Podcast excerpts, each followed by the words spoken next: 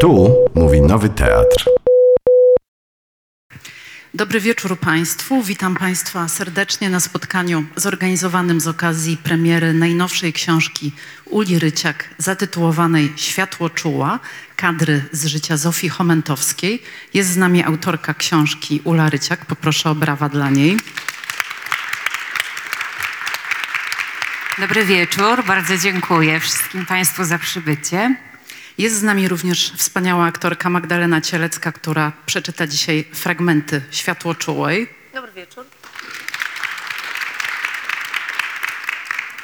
A ja nazywam się Hanna Rydlewska, jestem dyrektorką wydawniczą WOK Polska i będę miała przyjemność poprowadzić dzisiejsze spotkanie wokół książki, która jest e, oczywiście opowieścią o fotografce, która wyprzedziła swoją epokę, która przeszła bardzo ciekawą drogę od piktorializmu do fotografii dokumentalnej, ale miała swój własny styl, swój własny język wyrazu. To też opowieść o kobiecie, która wyłamywała się z konwenansów swojej epoki, która nie chciała być kobietą paprotką, dodajmy luksusową, bo urodziła się w arystokratycznej rodzinie jako córka księcia Druckiego Lubeckiego. Ale dla mnie to przede wszystkim opowieść o magii obrazu, o sile pamięci i o tym, czym może być biografia, jak bardzo jest to osobiste i, mm, i takie intymne źródło wyrazu. I od tego bym zaczęła, ponieważ książka jest napisana niezwykle zmysłowym, plastycznym językiem. Ty, Ula, zdecydowałaś się napisać ją trochę w formie listu do swojej bohaterki. Zwracasz się do niej osobiście. Robisz to z dużym uczuciem, mam wrażenie. Chciałam zapytać, czy od początku łączyła cię z Zofią Chomentowską tak bliska relacja? Myślę, że to jest tak, że relacja nie jest od początku tak bliska. Ona zawsze nasila się pod wpływem czasu y, i takich wspólnie przeżywanych doznań. Moje uczucie do Chomentowskiej nie zaczęło się od zauroczenia nią samą, ale od fotografii, którą, którą zobaczyłam. Ta fotografia jest na początku tej książki. Ona jest dla mnie jakąś, jakimś takim punktem, y, który w ogóle uruchomił całą, całą tą, całą, całe moje zainteresowanie chomentowską i taką potrzebę przywołania jej na nowo. To jest fotografia, która y, pochodzi z 1945 roku. Przedstawia kobietę, która stoi na brzegu Wisły z taką wielką podróżną torbą. I to jest właściwie taka fotografia, która jest ym, kwintesencją tego, co jest w, w samej osobowości Chomentowskiej, o czym dowiedziałam się później, ale jest też mm, niezwykle sugestywną opowieścią o tym, jak wyglądała Warszawa w 1945 roku. I ten motyw e, torby, czy też walizki, jakkolwiek byśmy ją nazwali, jest dla mnie takim jakimś toposem, który mnie zawsze szalenie e, poruszał. I w takim znaczeniu, że walizka mi się kojarzyła z wyprawą w, w ale też walizka jest dla mnie taką mm, figurą, która w tej części Europy jest takim bardzo silnym toposem, prawie czymś takim, jak być może, gdybyśmy to porównali z inną przestrzenią, na przykład... ym, nie wiem, z kulturą, y, z kulturą żydowską, to tam takim toposem jest pustynia, która jednocześnie jest taką figurą, która kojarzy się z wygnaniem, a z drugiej strony równolegle jest tą ziemią obiecaną. I tutaj ta walizka, czy też torba jest y, tym czymś, co jest jakimś końcem, co zawiera resztki świata, który zabraliśmy ze sobą w wędrówkę, bo przed czymś y, uciekamy jak wygnańcy, ale jest też nadzieją na to, że gdzieś będzie ten inny świat, do którego z tą walizką, z tą, z tą resztką świata do, gdzieś dotrzemy, żeby się być może osiedlić, być może coś w tym świecie znaleźć. Więc ta, to zdjęcie jest dla mnie takim czymś, co mnie y, uruchomiło, porwało i sprawiło, że ja zaczęłam y, szukać jakby kim jest autorka i co się, co się kryje też w jej losie. To mnie prowadzi do pytania o to, jaki był klucz doboru zdjęć, które trafiły do książki, bo pisanie o obrazach jest trudne. Ty mm, piszesz tak, żeby uruchomić naszą wyobraźnię wizualną, żeby pobudzić nas do tego, żebyśmy sami sięgnęli po mm, albumy, po zdjęcia Chomentowskiej, no ale musiałaś dokonać tej selekcji. Jaki był klucz? Tak, to było dla mnie w ogóle bardzo trudne, dlatego że do tej pory wszystkie moje bohaterki były związane albo z przestrzenią muzyki, albo z przestrzenią teatru, albo były podróżniczkami. I ja właściwie po raz pierwszy zajęłam się artystką wizualną i cały czas miałam gdzieś e, w tyle głowy tę myśl, żeby słowa nie e, wyprzedziły obrazu, żeby były e, w tle obrazu. I to było ta, ta myśl, że słowo musi stać się powściągliwe, była dla mnie bardzo trudna. Yy, I cały czas, yy, cały czas starałam się w taki sposób yy, pracować też w języku, żeby, żeby nie, było, nie, nie było tego za dużo, tych słów, które zalewają obraz. No i na pewno prowadzi to też do pytania, który obraz jest wart zapamiętania, bo żyjemy w czasach nadmiaru wizualnego, jesteśmy zalewani obrazami. No i opowieść o Chomentowskiej to jest trochę też e, opowieść właśnie o sile obrazu, o tym, które z nich mogą przetrwać i co w sobie niosą. Tak, ja zawsze jak wybieram y, bohaterkę, to y, jest to związane z jakimś takim osobistym afektem do, do tej postaci, ale jest też ta druga przestrzeń, że ta bohaterka musi rezonować z jakimś tematem, który mnie zajmuje tutaj dzisiaj. I tak jak pisałam o Kalinie Jędrusik, to interesował mnie taki temat, gdzie się zaczyna y, nasza wolność, a gdzie się kończy w momencie, gdy my kreujemy bardzo silnie wizerunek, gdzie kończy się ta persona, nasza maska, którą założyliśmy, żeby być widzialnymi, Y, i czy my nadal jesteśmy wolni, kiedy zyskujemy tą wielką widzialność, ale podporządkowujemy się wizerunkowi.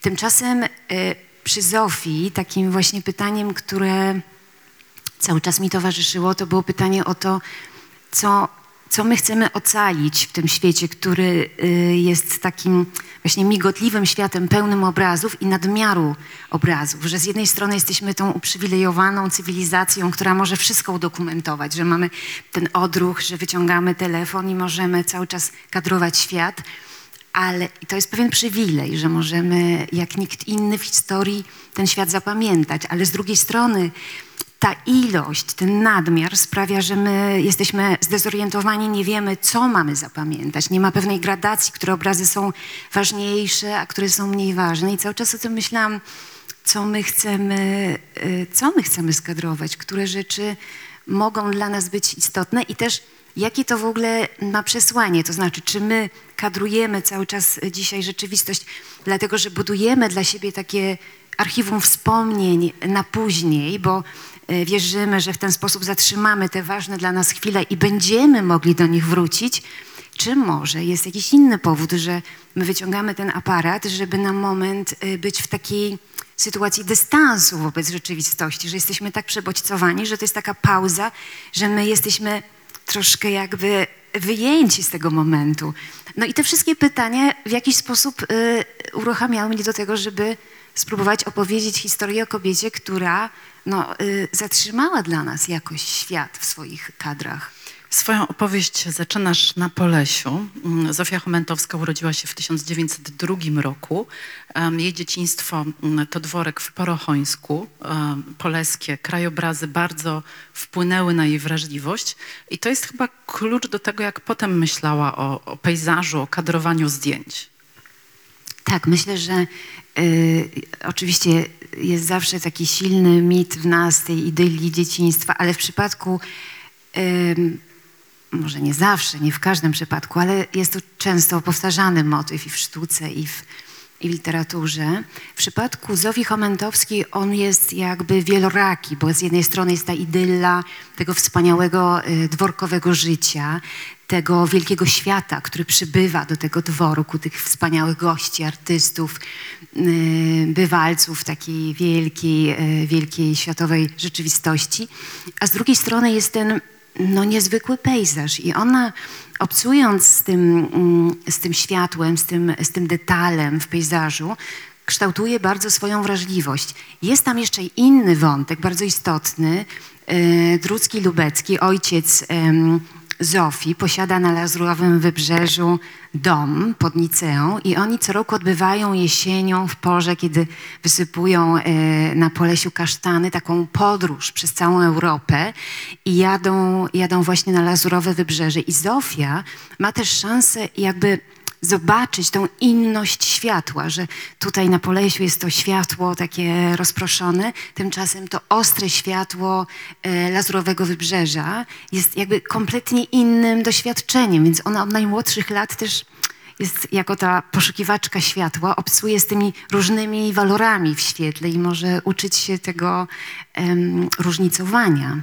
Tutaj pojawiła się figura ojca, to jest ważna postać e, w życiu Zofii, co skłania mnie do tego, żeby poprosić Magdę o przeczytanie pierwszego fragmentu.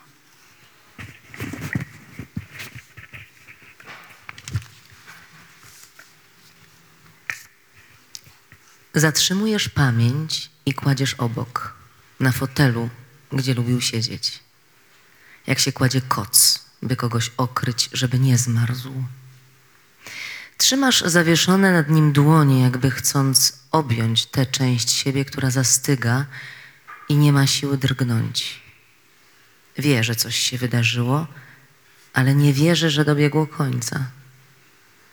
Wie, że są rzeczy, których nie dotyka, ale nie wierzy, że już nigdy ich nie dotknie. Że to, co jeszcze przed chwilą wędrowało z ciepłej dłoni do dłoni, już takie nie będzie. Zatrzymujesz pamięć. Tkwiąc w tym samym fotelu, przy tym samym stole, który był świadkiem tylu waszych rozmów, gdy oglądane zdjęcia odwracały uwagę od codziennych spraw, rozszerzały czas, oddalając te wszystkie pilne rzeczy, które czekały do zrobienia, przybliżając miejsca, w których się było i to niedawno, które się widziało i już się je zna. Na krótką chwilę można było do nich wrócić, być razem. Zostały tylko meble, przedmioty, które tworzyły przestrzeń wspólnego życia, teraz zastygły, tracąc swoje funkcje. Ich kształty rozmazują się w przelatujących przez głowę kadrach. Ojciec rozpostarty na sofie spogląda przez okno. Ojciec w kaszkiecie szykuje się na polowanie. Ojciec zgania z kolan skaczącego jamnika. Ojciec strzepuje kłaki z surduta. Ojciec demonstruje, jak przesuwać obiektyw. Ojciec. Życie składa się z takich małych samotności. Może 60 lat później znajdziesz to zdanie u Bartsa, czytając światło obrazu, eseje o fotografii, a jednocześnie dzieło żałobne napisane po śmierci matki autora. Może znajdziesz tam nowy trop do katalogowania wspomnień? Teraz słowa, zdania, cała chronologia tracą znaczenie. Jest 30 maja 1920 roku. Matka i kobiety z dworu porządkują garderobę. A ojciec umarł.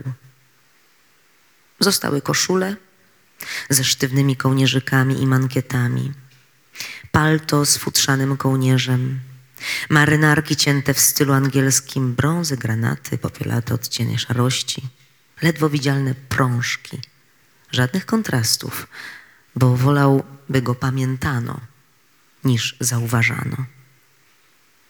Za dwa miesiące skończyłby 60 lat, a ojciec umarł. Rok temu wiosną patrzył, jak wojsko generała Antoniego Lisowskiego zajmuje jego ukochany dwór, a potem jak płoną drewniane stropy. Każdy wynosił, co się dało. Kładł na ziemię jeszcze wilgotną po roztopach. Perkalowa pościel jak obłok otulała pogorzelisko. Ledwo bolszewicy zniknęli w polskim lesie, zaczęło się urządzanie życia na nowo w kuchennym pawilonie. Trzeba dbać o ciągłość. Trzeba trzymać porządek, powtarzał. Lubił mówić takie rzeczy. Pewnie byłby jednym z tych niesłyszalnych głosów, które zwarte pod hasłem polski stan posiadania będą przedstawiać niebawem utratę kresowych majątków jako narodową katastrofę i stratę gniazd kultury polskiej, narażając się na ironię inteligencji, która uzna, że Ziemianie traktują sam fakt dziedziczenia ziemi jako czynienie zasług na rzecz polskiej kultury. Odnowisz, rozbudujesz, zrobisz wszystko, jakby sobie życzył, żeby wróciła normalność. Dostawisz dwa drewniane ganki. Znów będą się zjeżdżać goście, siadać na schodach. Ludzie oprą się o dom, a dom o historię minionych pokoleń. Kolumny odmalujesz na biało, będą tworzyć tło do fotografii. Fotografie zaludnią album. Przetrwają przesiedlenia, zgliszcza, rany zadane starym drzewom. Przetrwają opór wyjałowionej ziemi. Ojciec by się cieszył, a ojciec umarł. Stawisz się do remontu, mimo że traktat ryski kończący wojnę bolszewicką obejmie zrzeczenie się przez Polskę praw do majątków pozostawionych za nową wschodnią granicą. Mimo, że zaraz ruszą w kierunku miast wozy z ludwikami i portretami przodków należącymi do wykorzenionych rodzin. Ich posiadłości na wschodnich ziemiach odrodzonej Polski będą dewastowane albo rozkradane. Tu pożar, tam pożar. Ludzie mówią, że ognia coraz więcej. Stawisz się mimo to, mimo że ojciec umarł. A może właśnie dlatego? Nie tyle mylisz nadzieję z rzeczywistością, bo widzisz nadchodzący koniec ziemiańskiej epoki, ile raczej starasz się żyć tak, jakby jeszcze jeden dzień miał znaczenie. Przy wspólnym stole przykrytym uprasowanym obrusem, z centralnie ustawionym wazonem, w którym są pastelowe jaskry albo piwonie, a ich zapach czuć już na ganku. Jeszcze jeden obiad jedzony wśród najbliższych na obramowanych wzorem talerzach, starannie wypolerowanymi sztućcami. Jeszcze jedna herbata, nalana na wysokość trzech czwartych do zdobionych filiżanek ocalonych z kilku różnych serwisów. Parzona powoli w imbryku z długim, wąskim dzióbkiem. Nie za długo. Tyle tylko, by esencja oddała złożony smak, ale nie zdążyła podejść goryczką. No właśnie, ojciec ważna figura dla Zofii, również dlatego, że to on sprezentował jej pierwszy aparat. To był skrzynkowy Kodak i zachęcił ją do robienia zdjęć. To było częste w tamtych czasach, bo panny z ziemiańskich rodzin lubiły dokumentować dworskie życie, ale Zofia dosyć szybko zrozumiała, że to będzie dla niej coś więcej. Tak, ojciec jest y, inicjatorem, można powiedzieć, tego zbudzonego wewnętrznego głosu albo talentu, jakkolwiek to nazwiemy.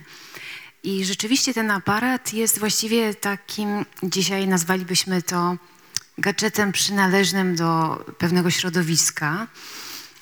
Ale Zofia bardzo szybko z tej przygody, którą jest y, ustawianie kuzynów, prze, przesuwanie ich, urządzanie jakby takiej y, zabawy towarzyskiej, gdy, gdy się robi te portrety, przechodzi do takiej fazy mm, zupełnie innej, że wychodzi z tym aparatem ku światu. To znaczy, na razie jest to taki świat lokalny, zaczyna fotografować społeczność lokalną, zaczyna fotografować pejzaż i zaczyna jakby mm, z, z, tym aparatem coraz, coraz dalej, e, coraz bardziej eksperymentować. I okazuje się, że gdzieś trudno oczywiście pochwycić ten moment, gdzieś w jakimś momencie pojawia się takie przeczucie, że ten aparat staje się jakby towarzyszem rzeczywistości, staje się przyjacielem, staje się taką figurą, do której się odnosimy w różnych ważnych dla nas momentach, żeby coś zatrzymać. I e, nie wiadomo dokładnie, gdzie jest ten moment, że ona, że ona czuje, że już bez tego aparatu się nie da, ale bardzo szybko on się staje taką nieodłączną częścią jej rzeczywistości. No na pewno prościej jest, kiedy kupuje sobie leikę, bo wtedy nie musi już dźwigać tej wielkiej skrzyni, może zabierać aparat ze sobą wszędzie. Chociaż o mm, osobach fotografujących leiką piktorialiści mówią leikarki, bo to zazwyczaj były kobiety, a, a, mm, a piktorialiści oczywiście byli mężczyznami. Tak, słowo leikarka było oczywiście degradujące, mm, bo też sama leika w tamtym czasie, dzisiaj już zupełnie ma inne konotacje, wydawała się takim aparatem e, nieszczególnie szlachetnym i takim aparatem, który e, nie wymaga wysiłku. Natomiast ja myślę, że leika bardzo pasowała do osobowości Chomentowskiej, która była osobą szalenie charyzmatyczną, bardzo zdecydowaną i bardzo gwałtowną w pewnym sensie. I ta przenośna, łatwa e, w przemieszczaniu się lejka bardzo e, spełniała wszystkie swoje warunki dla kobiety, która e, za chwilę wyruszy w wielką podróż, bo jest rok 28 i ona podejmuje decyzję, że to jest ten moment, że ona jedzie po raz pierwszy sama, poprzez e, właściwie całą Europę i e, właściwie towarzyszy jej tak naprawdę ta lejka. Przez moment jest, e, jest to sytuacja też towarzyska, że ze swoją przyjaciółką podróżują, ale przez, cało, przez całą większość tej podróży ona podróżuje z aparatem i zaczyna dokumentować tę rzeczywistość i można powiedzieć, że taka rasowa fotografka rodzi się właśnie w tej samotnej podróży bohaterki przez cały kontynent. Tutaj na przykład burza w drodze do Wiednia. To jest jedno ze zdjęć, którego reprodukcja znajduje się w książce i które było ważne w jej twórczości. Tak, jest kilka takich zdjęć z tej, e, z tej podróży, które jeszcze być może e, robione z taką niewinną intencją dokumentowania tego świeżego doznania, tej, e, tej takiej wyzwolonej też figury, którą się stała Chomentowska, bo to jest też ważne, żeby dodać, że ona wyrusza w tę podróż tuż po tym, jak się rozwiodła. Jej pierwsze małżeństwo, które e, no, zostało zawarte dość gwałtownie, w bardzo młodym wieku, bardzo szybko dobiegło końca. Ona powtórzyła schemat mamy, czyli małżeństwo, pierwsze małżeństwo w wieku 17 lat. Tak, miała, miała właściwie nies, niespełna 18 lat. Można powiedzieć, że zadziałał ten taki tajemny przekaz rodzinny. Zrobiła to, co swoja matka e, i też poniosła klęskę, tak jak matka. E, Matka dobrze wyszła drugi raz e, za mąż. Zofii się to nie uda, ale Zofia po pierwszym rozpadzie małżeństwa no, jakby dokona tego przekroczenia. Nie będzie szukała od razu drugiego męża, tylko wyruszy w ten świat za tym wewnętrznym głosem. I ta podróż jest właśnie takim momentem narodzin jej jako, jako artystki. Piszesz też o zdjęciu, które powstało na placu Świętego Marka w Wenecji. To nazywasz najsłynniejszym zdjęciem. Tak, ono było najsłynniejsze w tamtym czasie, bo ono otworzyło jej y, drogę na świat już jako, y, jako artystce. To jest zdjęcie, które wygrało międzynarodowy konkurs i mm, na skutek tej, tego zwycięstwa y, Zofia zostanie zaproszona do bardzo ważnej wówczas wystawy w, w Paryżu, gdzie pokaże swoje prace. I ten moment jest takim momentem, gdzie uruchamia się jej artystyczna droga, jest już zapraszana do publikowania zdjęć w różnych czasopismach. I jest jakby taki, mm, jest taka zmiana, że ona już nie jest tą dziewczyną z dobrego domu, która sobie fotografuje, bo ma ekskluzywny aparat, tylko zaczyna być, e, zaczyna być już artystką i zaczyna być widziana jako artystka. Ale cały czas jest bliżej piktorializmu, a nie fotografii dokumentalnej, bo jednak mocno estetyzuje. Cały czas mamy te rozległe krajobrazy, sylwetki ludzkie jako sztafaż, czyli wszystkie te klasyczne motywy.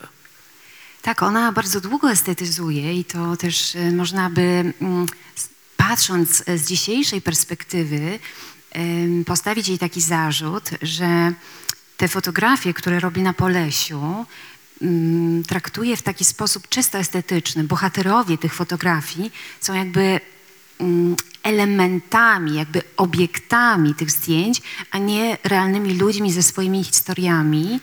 Natomiast moment taki transformacyjny, który będzie miał miejsce e, już jak się e, przeniesie do Warszawy, będzie momentem bardzo gwałtownej zmiany. To znaczy Zofia Chomentowska, znana ze swoich przepięknych pejzaży, ze, ze swoich widoków, nagle stanie się dokumentalistką, można powiedzieć taką interwencyjną dokumentalistką. Ona zacznie fotografować taką realność życia, no, o której ym, mogli, nawet, moglibyśmy nawet powiedzieć nie śniliśmy. To znaczy y, ona zostanie zaproszona do takiej współpracy z prezydentem Starzyńskim, którego pozna w Królikarni, która należała zresztą do jej ciotki. I prezydent Starzyński, którego my dzisiaj pamiętamy jako y, tego, który był świadkiem y, rozpoczęcia wojny, jest mniej trochę znany od tej strony jako, y, powiedzielibyśmy dzisiaj, bardzo skuteczny PR-owiec, który miał wspaniały wydział komunikacji i postanowił rozsławić Warszawę, ogłosił konkurs E, I mm, Chomentowska została zaproszona do takiej współpracy, żeby zdokumentować prawdziwe życie mieszkańców miasta. I ona potraktowała to naprawdę poważnie. I jak na nią, powiedziałabym nawet brawurowo. To znaczy zaczęła jeździć do przedsiębiorstwa oczyszczania miasta, do rzeźni, do miejsc, e, o które nigdy wcześniej byśmy ją nie posądzali. I stała się taką dokumentalistką naprawdę e, no, brawurową właśnie. No, prezydent też się bardzo wczuł, bo piszesz o tym, że nawet dzwonił do niej w nocy, żeby przyjechała i przewieszała wystawę, bo nie był zadowolony z efektów. Tak, e, prezydent Starzyński, dzisiaj już o tym nie pamiętamy, był znany z czegoś, co moglibyśmy nazwać e, perfekcjonizmem i sprawował kontrolę absolutnie nad wszystkim i nawet jak była, jak była wystawa w muzeum, przez, przez całą noc krążył po, po salach, sprawdzał, przebijał gwoździe i podporządkował sobie, sobie artystów jako ten, który czuł, że jest e, inicjatorem, ale jednocześnie też sprawcą całego przedsięwzięcia. Także Zofia musiała w środku nocy jechać, żeby przesuwać pracę, bo prezydent dzwonił. Powiedziałaś o królikarni, to mm, była posiadłość rodzinna, można powiedzieć, e, Zofii Chomentowskiej, należąca do jej ciotki. I e, znajomość e, z właścicielami królikarni i z ich przyjaciółmi zaowocowała ciekawym projektem, w którym Chomentowska dokumentowała warszawskie dwory. Tak, Pałace. pałace właściwie, tak. Można by dzisiaj to nazwać jakąś fanaberią, y, fanaberią księżniczki, która wywodziła się z arystokratycznej rodziny i mając pewne koneksje, krążyła po salonach, by wysiedzieć się w kanapach. Ale nie jest to prawdą, dlatego że gdy y, spojrzymy takim okiem odda y, oddalonym w czasie, zrozumiemy, że dzięki temu, że Zofia Chomentowska dokumentowała wtedy te pałace, my mamy szansę dowiedzieć się w ogóle, jak one wyglądały, dlatego że wszystkie te pałace praktycznie e, w czasie wojny zostały zmurzone.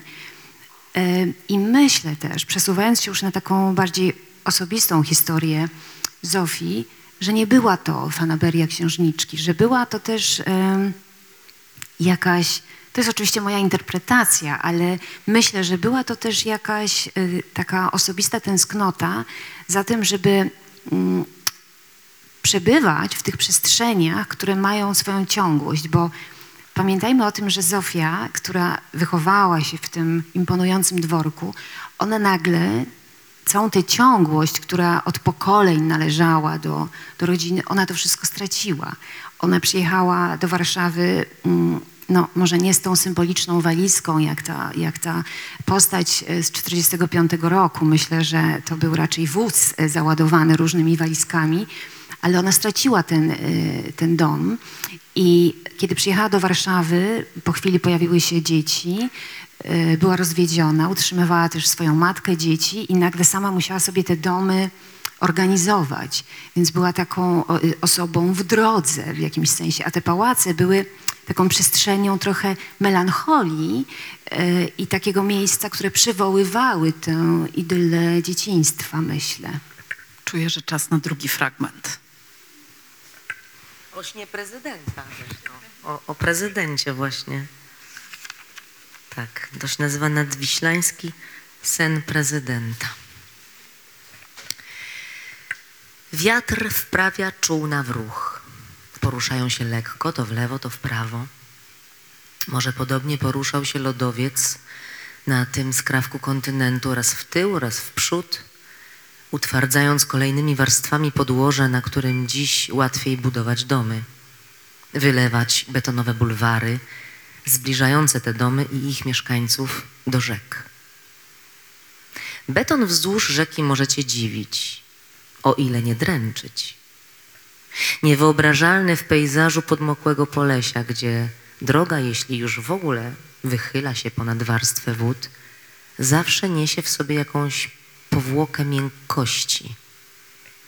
Wylany teraz i utwardzony na terenie dawnego koryta Wisły, gdzie od lat tworzy się tamy, na których osadzał się piach, spłycając brzegi, wydaje się odstawać od krajobrazu.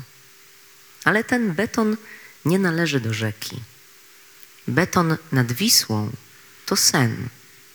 Jeden ze śmielszych, które śnił prezydent Warszawy Stefan Starzyński. Jest rok 1938, sen się urzeczywistnia.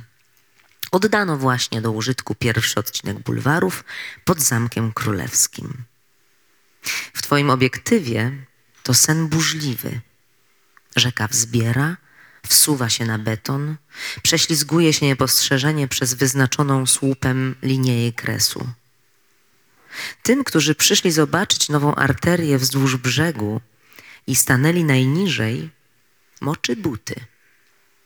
Niespokojnie wpatrują się w rzekę, skuleni, nieduzi, a rzece to obojętne. Dla ciebie to ona, a nie ludzie, gra główną rolę. Jest żywiołem, domaga się innych odległości. Żąda dla siebie przestrzeni, jakby przypominała, że służy nie tylko żywym, ale i topielcom. Ciemny beton wydaje się monumentalny, cichnie na moment wobec grozy nieba, kłębowiska chmur. W kolejnych kadrach oddalasz się od brzegu, a ludzie kurczą się na horyzoncie. Warstwa obłoków pokrywa łapczywie rzekę, jakby odbierała ją miastu i jego mieszkańcom, zamieniając w widmo.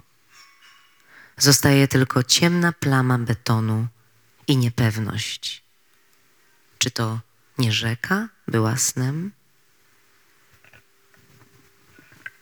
Ciekawy wątek związany z przedwojenną działalnością Zofii Chomentowskiej to również zakład fotograficzny, który założyła. Ona się zajmowała e, fotografią reklamową również, być może zainspirowana postacią Dory Mar, jak sugerujesz.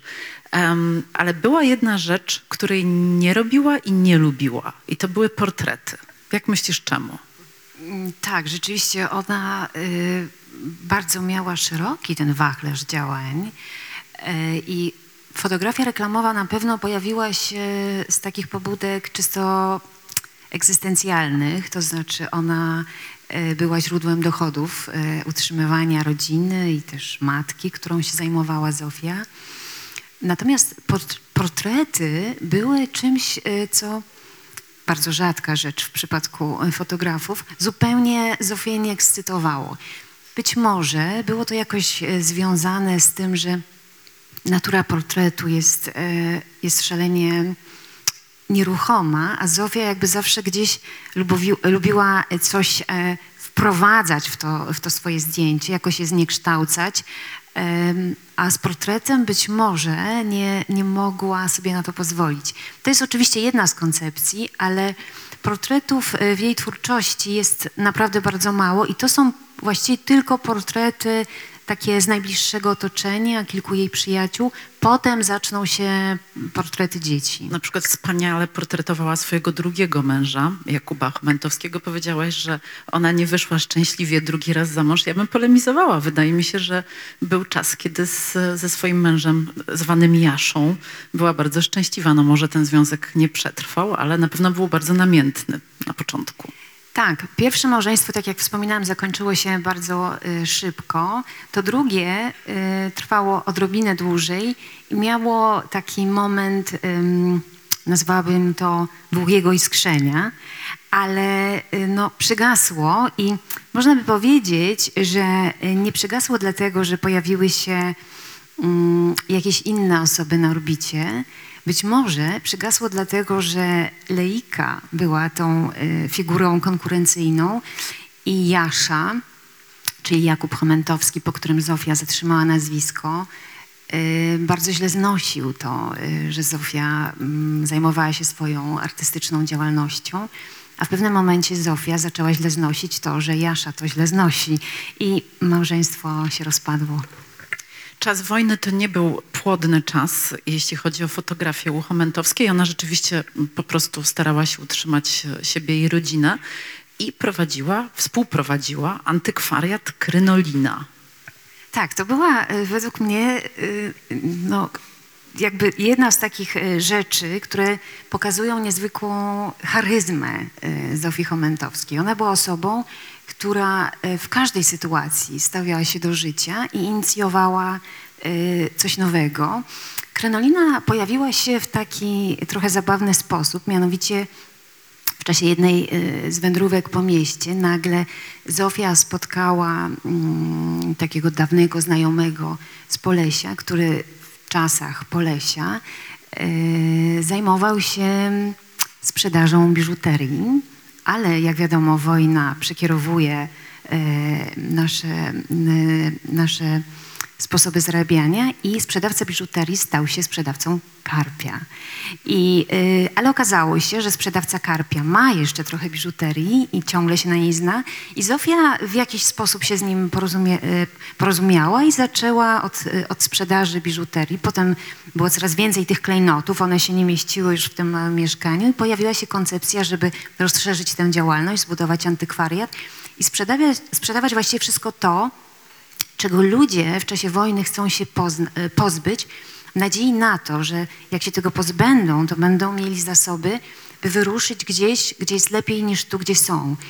I ten antykwariat, ta krynolina okazała się jakimś po prostu kosmicznym sukcesem. Przychodzili tam wszyscy mieszkańcy Warszawy, którzy coś chcieli sprzedać, czegoś, czegoś się pozbyć i ta no, różnorodność tych rzeczy była w pewnym momencie aż, y, aż niewiarygodna. Były tam filiżanki, były mapy, no po prostu było, było wszystko.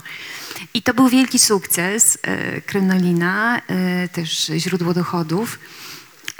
Nie udało się już tego sukcesu powtórzyć później. No właśnie, bo ona potem próbowała w Paryżu ot- otworzyć krynolinę bis, ale jednak w, w Paryżu ten interes już tak nie poszedł. Ale nim, nim przejdziemy do Paryża i do Buenos Aires, powiedzmy jednak o Warszawie powojennej. W 1945 roku otworzono w Muzeum Narodowym słynną wystawę Warszawa oskarża. Zdjęcia Zofii Chomentowskiej były ważną częścią tej wystawy i to też jest cykl e, zdjęć, e, z których ona dziś jest bardzo, bardzo kojarzona, bardzo ważna. Tak, to też taki paradoks e, historii, która e, jest pełna takich wyklu- wykluczonych postaci, takich właśnie jak Zofia. My znamy z widzenia jej zdjęcia, ale nie wiemy, że stoi za tym oko Chomentowskiej. A więc tam właśnie na tej wystawie w 1945 pojawia się mnóstwo jej zdjęć, które potem były powielane wielokrotnie we wszystkich takich kronikach e, filmowych, albumach, które przedstawiały zburzoną Warszawę i te zdjęcia z wielu, po, z wielu powodów są ważne, bo e, wystawa, która była tuż przed wojną w 1938 i jeszcze zorganizowana przez prezydenta Starzyńskiego, była wystawą, em, która pokazywała świetność tego miasta, wielkie ambicje Paryża Północy, pokazywała e, taki potencjał jakiegoś niezwykłego rozwoju i różne miejsca, które, które były em, jakimiś takimi e, no, wykwitami niesamowitymi architektury. Natomiast ta kolejna wystawa, e, Warszawa Oskarża, to jest jakby opowieść o tym wszystkim, co było i zostało stracone. To znaczy Zofia bardzo często robi zdjęcia dokładnie tych samych miejsc, tylko y, dokumentuje nie tyle nadziei na y, właśnie, które tam y, były zaszczepione, ale ruiny. Tyle, że sposób, w jaki Zofia Chomentowska y, dokumentuje te ruiny, nagle okazuje się, że też jest taką przestrzenią nadziei, że te ruiny są jednocześnie i terytorium pewnego końca tego świata, który został e, zburzony, ale też ona w taki sposób wybiera kadry, że my widzimy, że na tych ruinach powstanie jakieś nowe życie, bo, bo zawsze gdzieś się pojawia jakiś człowiek, który coś już inicjuje, rozkłada poezję na e, jakiś, e, jakimś wraku, wraku domu. E, Pojawia się nagle na Placu Trzech Krzyży budka, taka pospiesznie sklecona, gdzie jest napis manicure, e, pedicure, bardzo znane zdjęcie Zofii Chomentowskiej, gdzie jakby odradza się już e, e, od razu cała ta kobiecość, taka Jest nadzieja też na kawiarnia, którą prowadzą hrabiny, które serwują na przedwojennej jeszcze porcelanie kawę i tam bywają e, dyplomaci. Tak, Zofia, Zofia Chomentowska jakby wychwytuje te wszystkie niezwykłe momenty, chodząc, y, chodząc e, w swoich takich odprasowanych sukienkach po tym, po tym kurzu, po tym, po tym pyle i dokumentuje te miejsca, gdzie, gdzie to życie jakby już bardzo szybko się odradza. W tym sensie ja uważam, że cała ta kolekcja y, ruin jest y, tak naprawdę opowieścią o, o nadziei, a nawet obietnicy. Ta wystawa mm, krążyła potem po świecie i to niejako stało się trampoliną do mm, wyjazdu Zofii Chomentowskiej, która pojechała z nią do Londynu, zdaje się, potem była też e, w Paryżu. No i zrozumiała, że chyba Polska to nie jest kraj, w którym chciałaby zostać. Tak, y, być może też y, ciągle w niej był taki gen nowości, ten taki nawyk umysłu z, z dzieciństwa, że zawsze są te miejsca gdzieś dalej, poza tym y, rdzennym terytorium, gdzie można, gdzie można pojechać i czegoś doświadczyć. Być może był w niej też jakiś lęk, jakieś przeczucie tego, że ta nowa wizja Polski to jest coś zupełnie mm, jakby nie dla niej, coś, w czym ona się nigdy ze swoją mentalnością taką mm, pełną wolności nie odnajdzie. I w czasie wystawy w Paryżu ona mm, wpada na taki pomysł, że może tam, że może tam wróci, że tam e, zostanie. W tym celu musi dokonać szybkiego i gwałtownego małżeństwa e, z Brytyjczykiem, z brytyjskim cyklistą zresztą, dzięki czemu dostanie, dostanie paszport. Ale czy to było małżeństwo tylko na papierze, czy jednak było tam też uczucie? Bo jakoś skąpo piszesz o tym brytyjskim nie, to- arystokracie, a on mnie całkiem zaciekawił, tym bardziej, że są też Nie, jego zdjęcia w on książce. Jest, on jest rzeczywiście bardzo, bardzo interesującą postacią. Zresztą wydał y, książkę o, y, o podróżach na rowerze, ale y, i miał też takiego, tak, tak, miał też ducha, ducha, ducha sportowca, co zawsze dobrze działa, ale nie, tam, y, tam nie było, mm, nie było uczucia, nie było też nawet takich, ym, że tak powiem, inwestycji mentalnych, które by na, na to uczucie czekały. Po prostu to była czysto techniczna taka sytuacja, żeby, żeby Zofia mogła dostać paszport i znaleźć się w, już w tej Europie Zachodniej. No i trzeci mąż odprowadził ją na statek, który płynął z Włoch do Argentyny. I o Ar- Argentynie powiemy, ale za chwilę, bo teraz ostatni, trzeci fragment, który przeczyta Magda.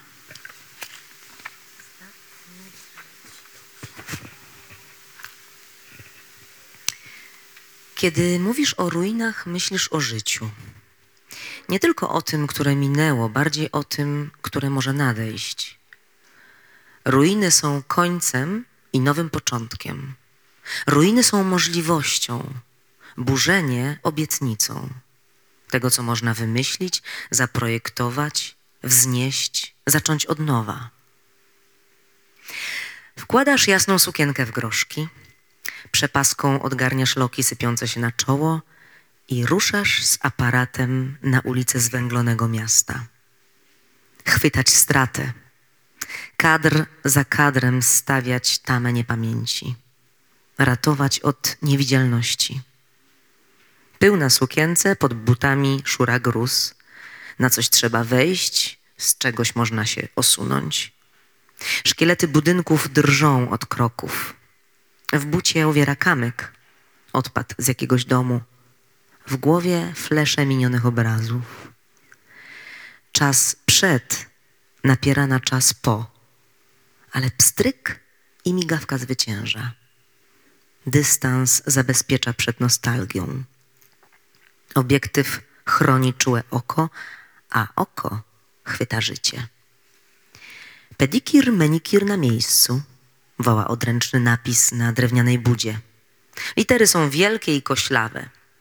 Buda stoi na tle osypującej się ruiny, ale będą piękne stopy, które będzie się stawiało na ulicach miasta, i będą piękne dłonie, w których będzie się nosiło rzeczy do domów.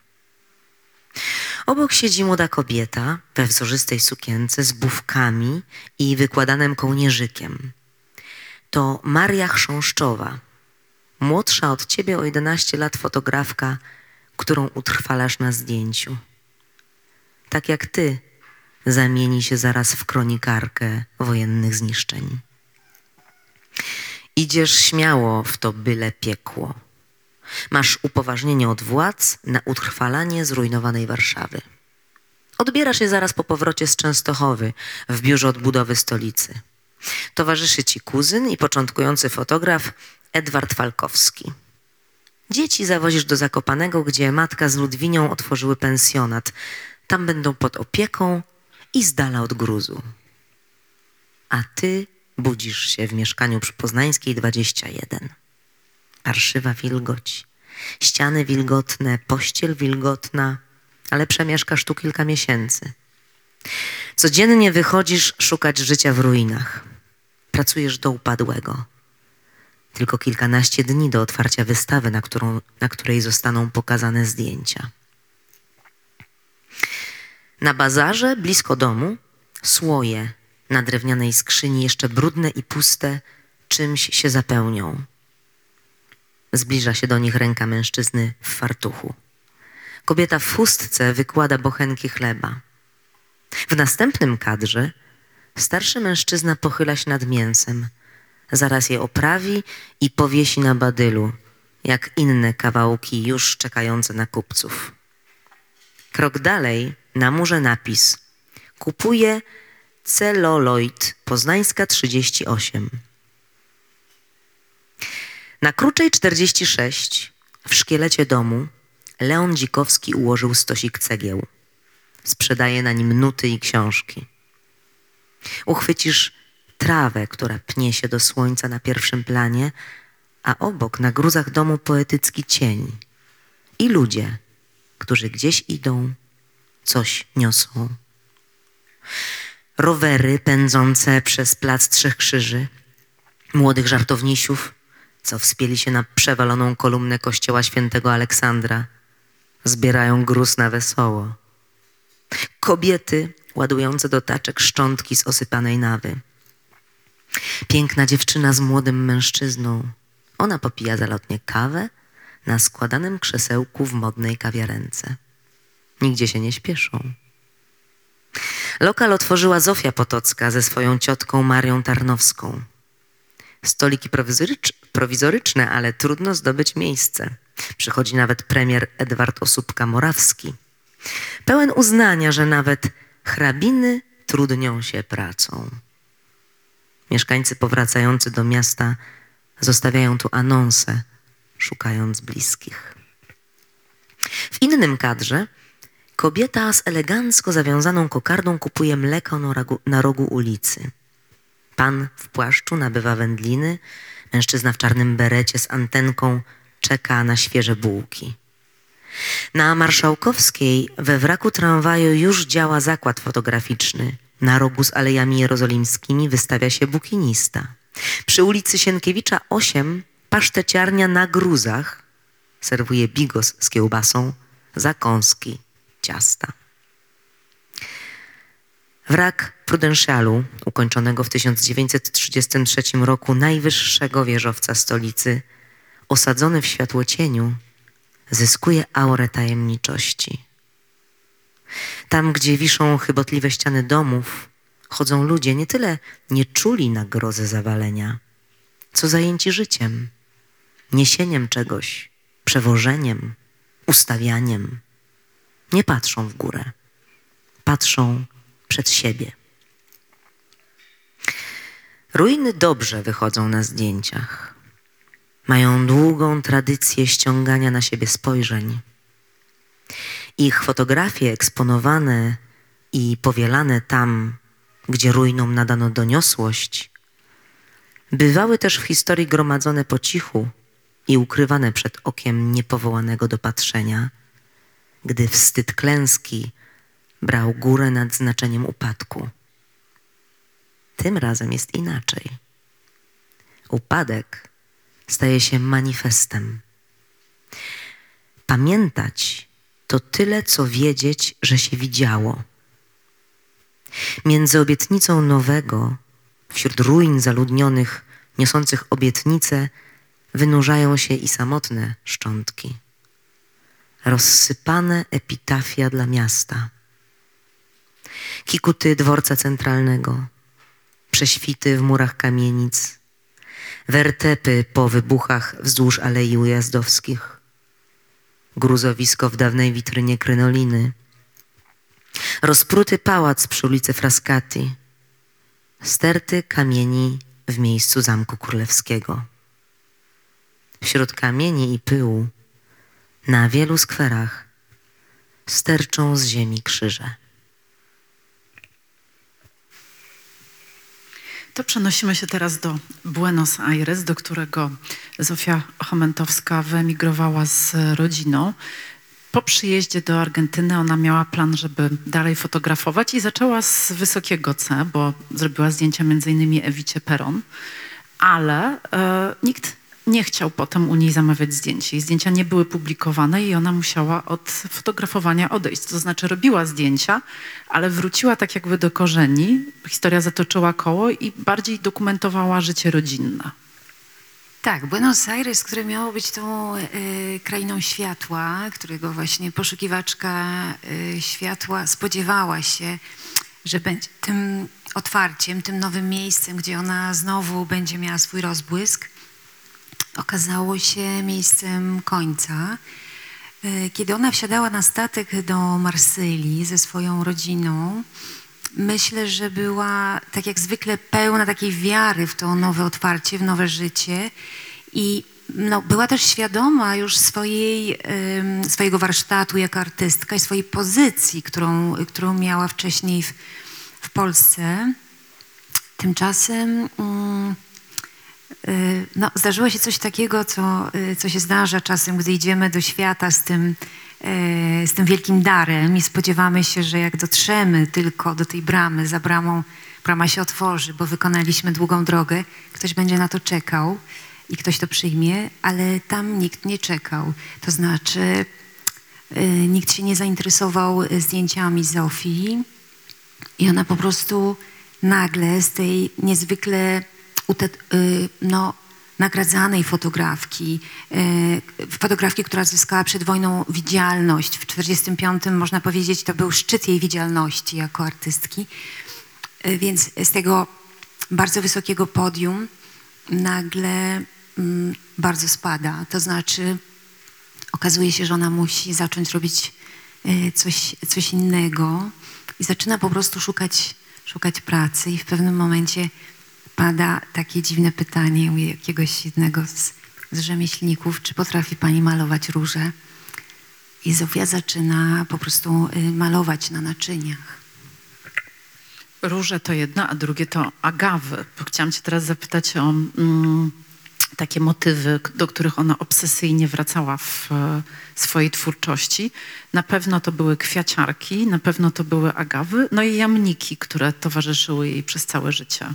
Tak, Zofia w ogóle kochała psy. Psy zawsze mm, były blisko niej. Nawet w sytuacjach, kiedy ona znajdowała się w dosyć dużym kryzysie, e, choćby, choćby we Francji, ratowała zawsze jakieś, jakieś psy, zbierała te psy. Zawsze było, było wokół niej dużo, dużo psów i one mm, też zostały odzwierciedlone na, na zdjęciach. Tak, było bardzo dużo takich powtarzających się motywów, e, zwłaszcza jak zobaczymy te zdjęcia z tej pierwszej podróży przez Europę, tam te kwiaciarki na, na różnych e, placach Europy są takie pełne, pełne życia, pełne jakiegoś takiego, e, takiego e, piękna, które jest dostępne dla każdego w każdej chwili. Myślę, że, że te w ogóle motywy roślinne były czymś takim ciągle ciągle powracającym. Ale też powtórzenia, bo ona jakby szukała rytmu na zdjęciach, więc powtórzenia architektoniczne, zakręty, to też ją kręciło. Tak, tak. To jak, właśnie jeżeli zobaczymy ym, zdjęcia w pewnych układach całych, nie jako pojedyncze, takie wyrwane kadry, to wtedy widzimy te namiętności, które ją e, prowadziły, że, że gdzieś zawsze wynajdywała, niezależnie od tego, na jakim terytorium się znalazła, wynajdywała bardzo e, w sumie podobne, podobne tematy. A jeszcze wracając do tego Buenos Aires, można powiedzieć, że rzeczywiście ta historia jakby zatacza koło, bo Zofia Chomentowska, która jest taką postacią, y, y, która można powiedzieć umrze dwa razy, bo umrze wtedy, kiedy fizycznie odejdzie, ale umrze też wcześniej jako, jako osoba, która umrze w zbiorowej pamięci, jakby y, zostanie zapomniana w momencie, kiedy wyjedzie do Buenos Aires. Ona w tym Buenos Aires wraca do tej pierwotnej funkcji z, y, aparatu, którą nadał jej ojciec, gdy wierzył, że ona będzie dokumentować życie rodzinne. I ona nie rezygnuje z fotografowania, tylko przenosi je na ten e, rewir e, osobisty. Dokumentuje życie swojej rodziny, po prostu tworząc takie albumy familijne.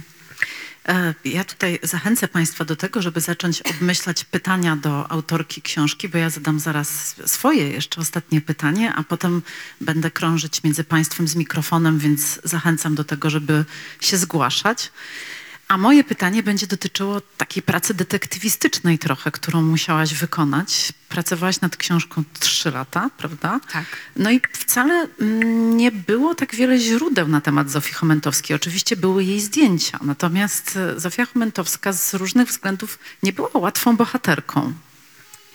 Tak, i były też takie momenty, że, że wydawało mi się, że to jest tak y, los tak porwany, że właściwie nie da się go y, opowiedzieć, ale potem nagle uświadomiłam sobie, że właściwie jak mielibyśmy opowiadać losy tych, którzy y, wędrowali i tracili nie tylko y, ziemię, do której przynależeli, nie tylko domy, nie tylko bliskich, no ale też tracili dowody na, na istnienie jakiejś pamięci rodzinnej.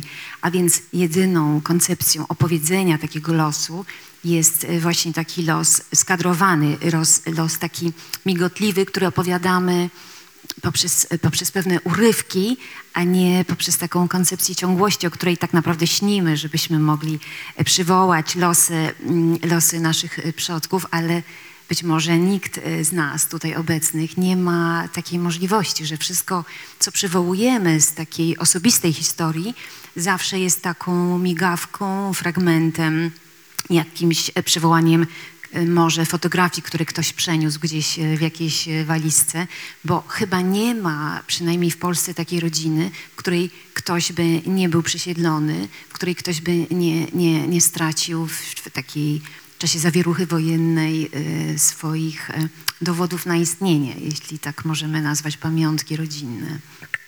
To jest ten moment, kiedy przekazuję Państwu mikrofon. Czy ma ktoś pytanie do autorki? Zachęcam.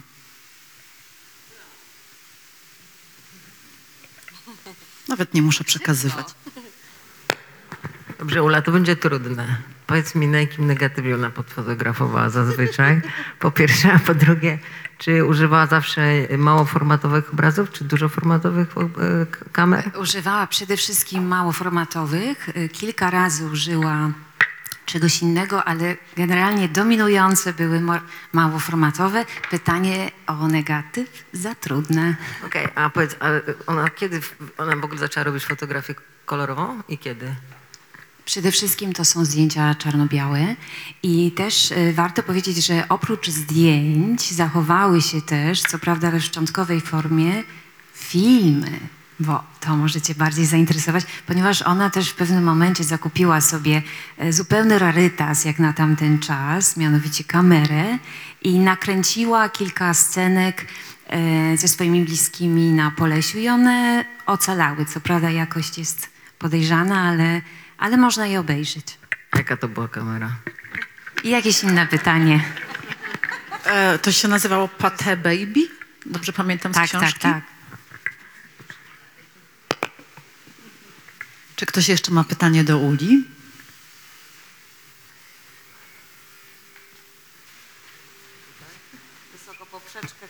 Dziękuję. Chciałam zapytać, em, poznając jej historię, czy jest jakaś em, część jej lub jej cecha lub część jej pracy, która najbardziej pani przypadła do gustu i najbardziej ją pani zapamiętała? cecha, być może. Mm, myślałam, y, myślałam bardzo dużo o tym, mm, bo jest taki moment y, w życiu Chomentowskiej, kiedy ona mm, po raz pierwszy y, zachodzi w ciążę ze swoim mężem i rodzi dzieci. I jedno z tych dzieci umiera. I mm, to są, to są bliźnięta. I y, to, co jest e, niezwykle przejmujące, to to, że Zofia em, ten czas, który byłby właściwy dla przeżywania żałoby, od razu przesuwa na taki czas wzmożonej aktywności twórczej. A więc można powiedzieć, że w jakiś sposób mnie bardzo poruszyła taka cecha w niej, że ona jakby nie dała sobie prawa na przeżycie smutku. I e, smutku, a może nawet rozpaczy. I jak prześledzi się jej, jej życie, to, to jest coś, co się powtarza. To znaczy, ona z jednej strony ma tą niezwykłą charyzmę, niezwykłą gotowość do zaczynania od nowa, ale też nie pozwala sobie na. Mm, na momenty słabości. I to, to było dla mnie bardzo poruszające, zwłaszcza, że my dzisiaj już jakby dużo y, dajemy uwagi temu, y, temu tematowi, że, że to jest w ogóle taka y, cecha wielu kobiet, że nie, nie dają sobie tej przestrzeni, żeby na przykład w pełni opłakać stratę i gdzieś to przesuwają, co, co potem manifestuje się jako pewnego rodzaju melancholia. I Zofia na pewno jest reprezentantką takiego y, gatunku kobiet, jeśli, jeśli tak to mogę sformułować. I to było dla mnie bardzo poruszające odkrycie, jak to gdzieś się wyłoniło.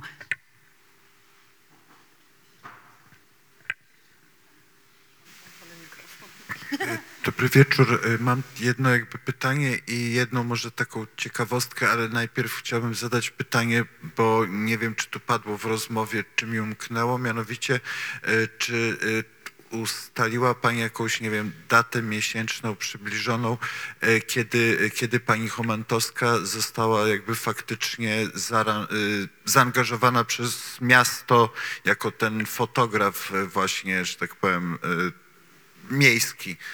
To, to- jest moje pytanie. Trudno powiedzieć e, taką, bo zależy właśnie, co uznamy za ten moment zaangażowania. Jeśli uzna, e, bo jakby tych momentów jest kilka. Jest taki moment właśnie, gdy podchodzi do niej prezydent Starzyński w ogrodach królikarni i mówi, jestem panią zafascynowany, pani talent jest większy niż wszystko, do, co do tej pory znałem, więc y, on wtedy jakby sugeruje jej, że chciałby jej zaproponować jakąś e, współpracę, żeby ona przyszła do tego urzędu. Ale, więc można powiedzieć, że to jest ten moment inicjujący, ale potem mija jakiś czas, który trudno już tak precyzyjnie y, y, ustalić, zanim ona dotrze do tego urzędu i też minie dosyć długi czas, zanim ona dostanie te wszystkie dokumenty y, i już y, no, formalnie zostanie zaangażowana, więc trudno mi tak precyzyjnie co do miesiąca odpowiedzieć na to A, pytanie. a, to, a to spotkanie w królikarni samo w sobie, ten mniej więcej wie pani może, kiedy się było? E, Pewnie gdzieś to wiedziałam, ale nie jestem w stanie chyba tego teraz e, przywołać co do miesiąca. Okej. Ale ciekawi mnie to, dlaczego pana aż tak ciekawi ten moment. Bo ja jakby zajmuję się Stefanem Starzyńskim i też historią Warszawy w międzywojniu, więc jakby e, tutaj po prostu pani nawiązała też do tych bulwarów i do Stefana Starzyńskiego jako PR-owca i jakby ja widziałem też wiele zdjęć właśnie, które pani Chomentowska no, robiła na potrzeby chociażby wystawy w Muzeum Narodowym. Natomiast właśnie a propos roli dokumentacyjnej i Starzyńskiego jako PR-owca i tych bulwarów, które były wizytówką. E, Pani wspomniała jakby o, o jednym otwarciu, gdzie nasza bohaterka była, natomiast e, Stefan Starzyński można powiedzieć, że był na tyle sprawnym tutaj faktycznie promotorem, że te bulwary, one de facto były jakby miały cztery otwarcia. Tak, tak. e, krótkich, małych odcinków i każdy był jakby dosyć Wielką mocno w mieście, prasie tak. E, ten, więc taka ciekawostka, że jakby wokół tego było faktycznie dosyć dużo robione, że tak powiem, e, PR-u takiego. No i dziękuję. Dziękuję bardzo. No to ja mam też. Ja mam takie. O. Mogę? Y, y, Takie mam pytanko, bo za- z- ciekawi mnie, jak pracowałaś w ogóle nad tą książką. Czy to była tylko, znaczy nie tylko, ale czy to była praca w większości taka przekopująca dokumenty, archiwa, czy spotkałaś się na przykład z kimś, y, czy ktoś żyje w ogóle z przodków, z rodziny, czy miałaś jakieś te, tego rodzaju spotkanie i kto to był? I jeśli tak, to jak, jak to wyglądało? Może, może spotkałaś się, będzie za dużym słowem, ale prowadziłam rozmowy przez Skype'a z różnymi osobami z Buenos Aires, które ym, no, trochę mi opowiadały właśnie tę, tę historię jakby z ostatnich etapów jej życia. No bo y, no, te wcześniejsze jakby mm, postacie no, już jakby z uwagi na, na czas nie były możliwe, więc tylko, tylko właściwie te postacie z, z Buenos Aires. Skorzystałam też z takich nagrań, które dokonała, których dokonała jej córka już y, wiekowa bardzo y, osoba, pani Gabriela Chmentowska, które były takimi mm, wspomnieniami, one też były w takim y, archiwum w Buenos Aires, które mi udostępniło te, te nagrania sprzed tam kilkunastu lat. Także tutaj był taki y, problem, że już nie było tych y, świadków zdarzeń, więc raczej to była taka praca właśnie na, na, dokumenta, na dokumentach fotograficznych, też czasami na jakichś takich przebłyskach wspomnień, które były w dziennikach z epoki.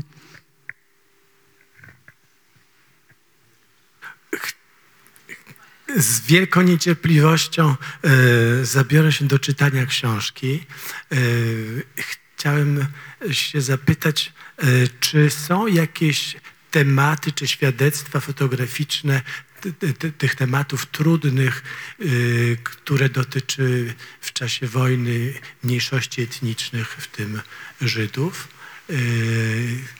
Drugą rzecz chciałem tylko dla publiczności zaznaczyć, że obecnie w Muzeum Miasta Warszawy otworzyła się wspaniała wystawa, na której jest kilka przepięknych zdjęć, bo nawet słuchając tutaj tekstu, ten opis tych zdjęć dokumentalnych e, po wojny e, brzmi em, no, bardzo ciekawie, ale zobaczyć te, tych kilka zdjęć, które naprawdę są przepiękne i mają olbrzymią artystyczną siłę, na przykład przeprawa przez Wisłę na barce e, tłumu ludzi, czy, czy, czy kilka innych zdjęć. E, naprawdę polecam, żeby to zobaczyć na żywo. E, I kolejne pytanie to jest bardziej, czy ten trudność znalezienia swojej e, sytuacji w, w Argentynie y, mogła wynikać z tego, że y, nie, nie interesował ją tamtejszy świat, nie, nie, nie, nie mogła zobaczyć. I ostatnie, tylko bardzo konkretne, czy ona by używała feminitywu, feminitywu o sobie, mówiąc w, w, w, fotografka, tak jak ponoć po, przed wojną się mówiło, czy, czy, czy jak? To po kolei zacznę od tych y, zdjęć y, społeczności żydowskich. One w bardzo małym zakresie istnieją z tego okresu, kiedy ona dokumentowała życie warszawiaków i one są z tych przestrzeni, gdzie ona robiła zdjęcia w takich y, manufakturach jakichś rzemieślniczych. To tam jest kilka tego typu zdjęć, o które pytasz. Innych, innych nie, nie, nie spotkałam. Potem drugie pytanie było, y, bo już O straciłam. Argentynę. O Argentynę. E, Nie, myślę, że to nie było tak, że mm, Zofia nie miała mm, tej ciekawości. To raczej y, Argentyna, y, to, to Buenos Aires w jakiś sposób nie, nie, nie było zaciekawione jej twórczością. Być może to był też bardzo specyficzny moment y, w życiu, w życiu Argentyny.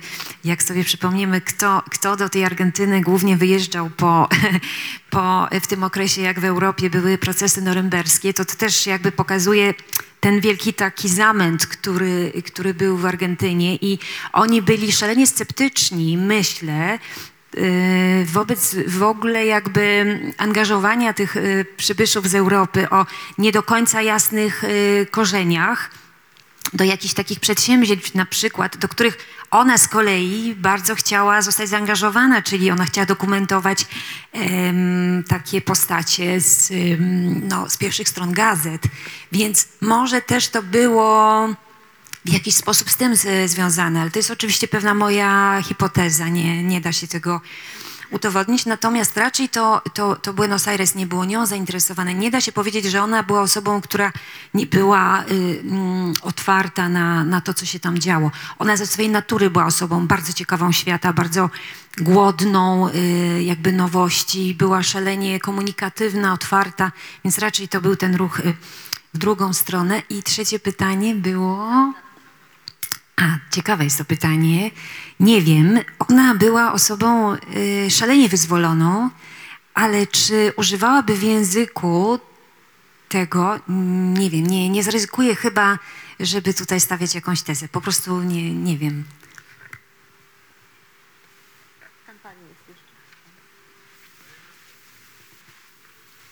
Dziękuję bardzo.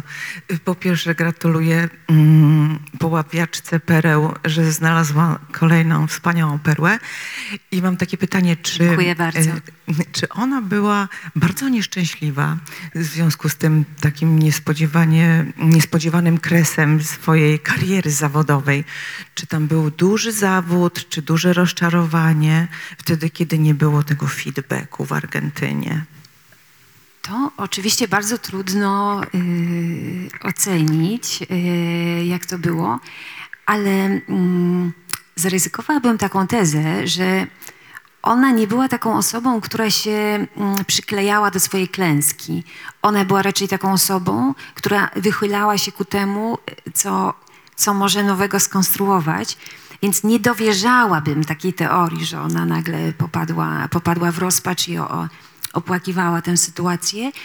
Ona w tym czasie, kiedy już znalazła się w tej Argentynie, zaczęła robić e, coś w rodzaju takiej dokumentacji swojej przeszłości. Zaczęła tworzyć e, albumy, gdzie wklejała te wszystkie zdjęcia, których całe mnóstwo zrobiła wcześniej.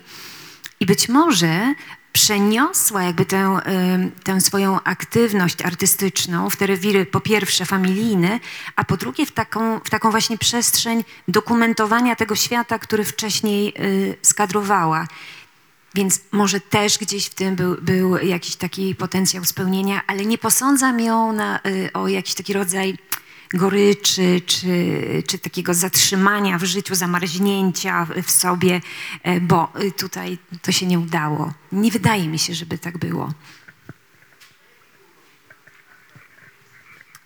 Powodem y, wyjazdu do Buenos Aires było światło.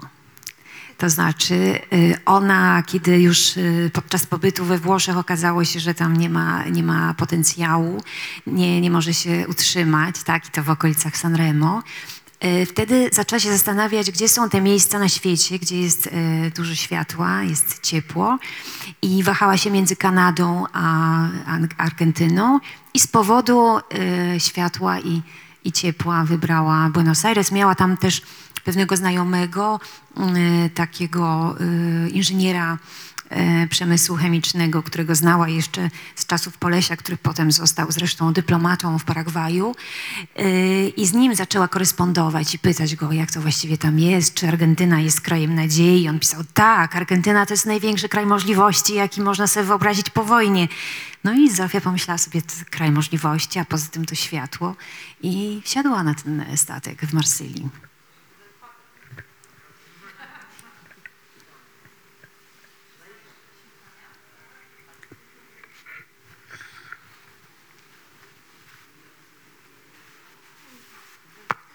Ja chciałam Cię, Ulu, zapytać o Ciebie, bo powiedziałaś, że Twoje bohaterki wybierasz w afekcie.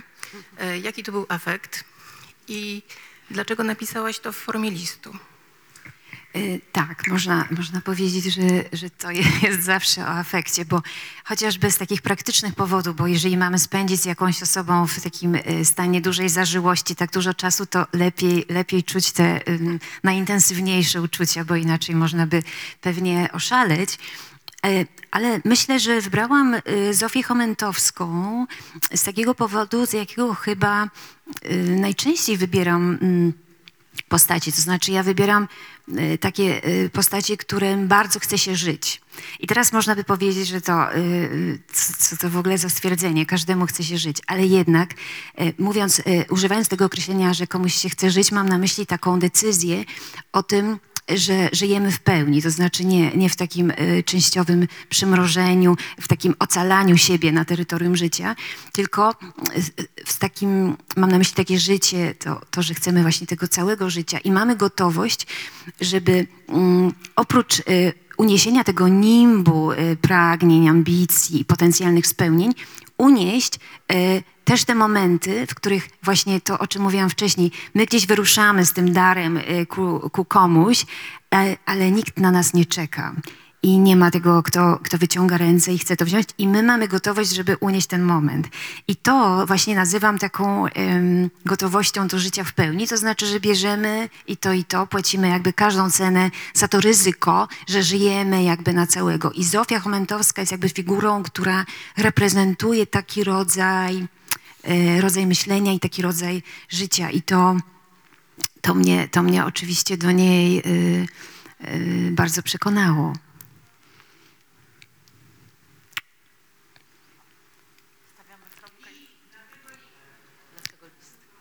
A, list, tak.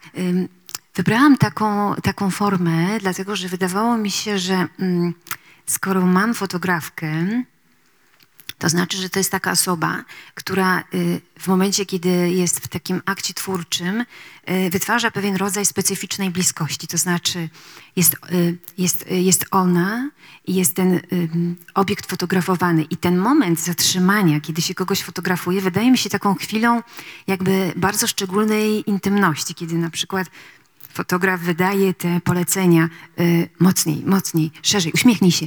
To, że jest w tym taki rodzaj bardzo bezpośredniego komunikatu i to jest y, jakby stąd wzięłam to przeniesienie, że ten sposób, w jaki, w jaki chcę opowiadać Zofii, to jest właśnie ten, mm, ten moment, który się rozgrywa między tym, kto fotografuje, a tym, kto jest fotografowany.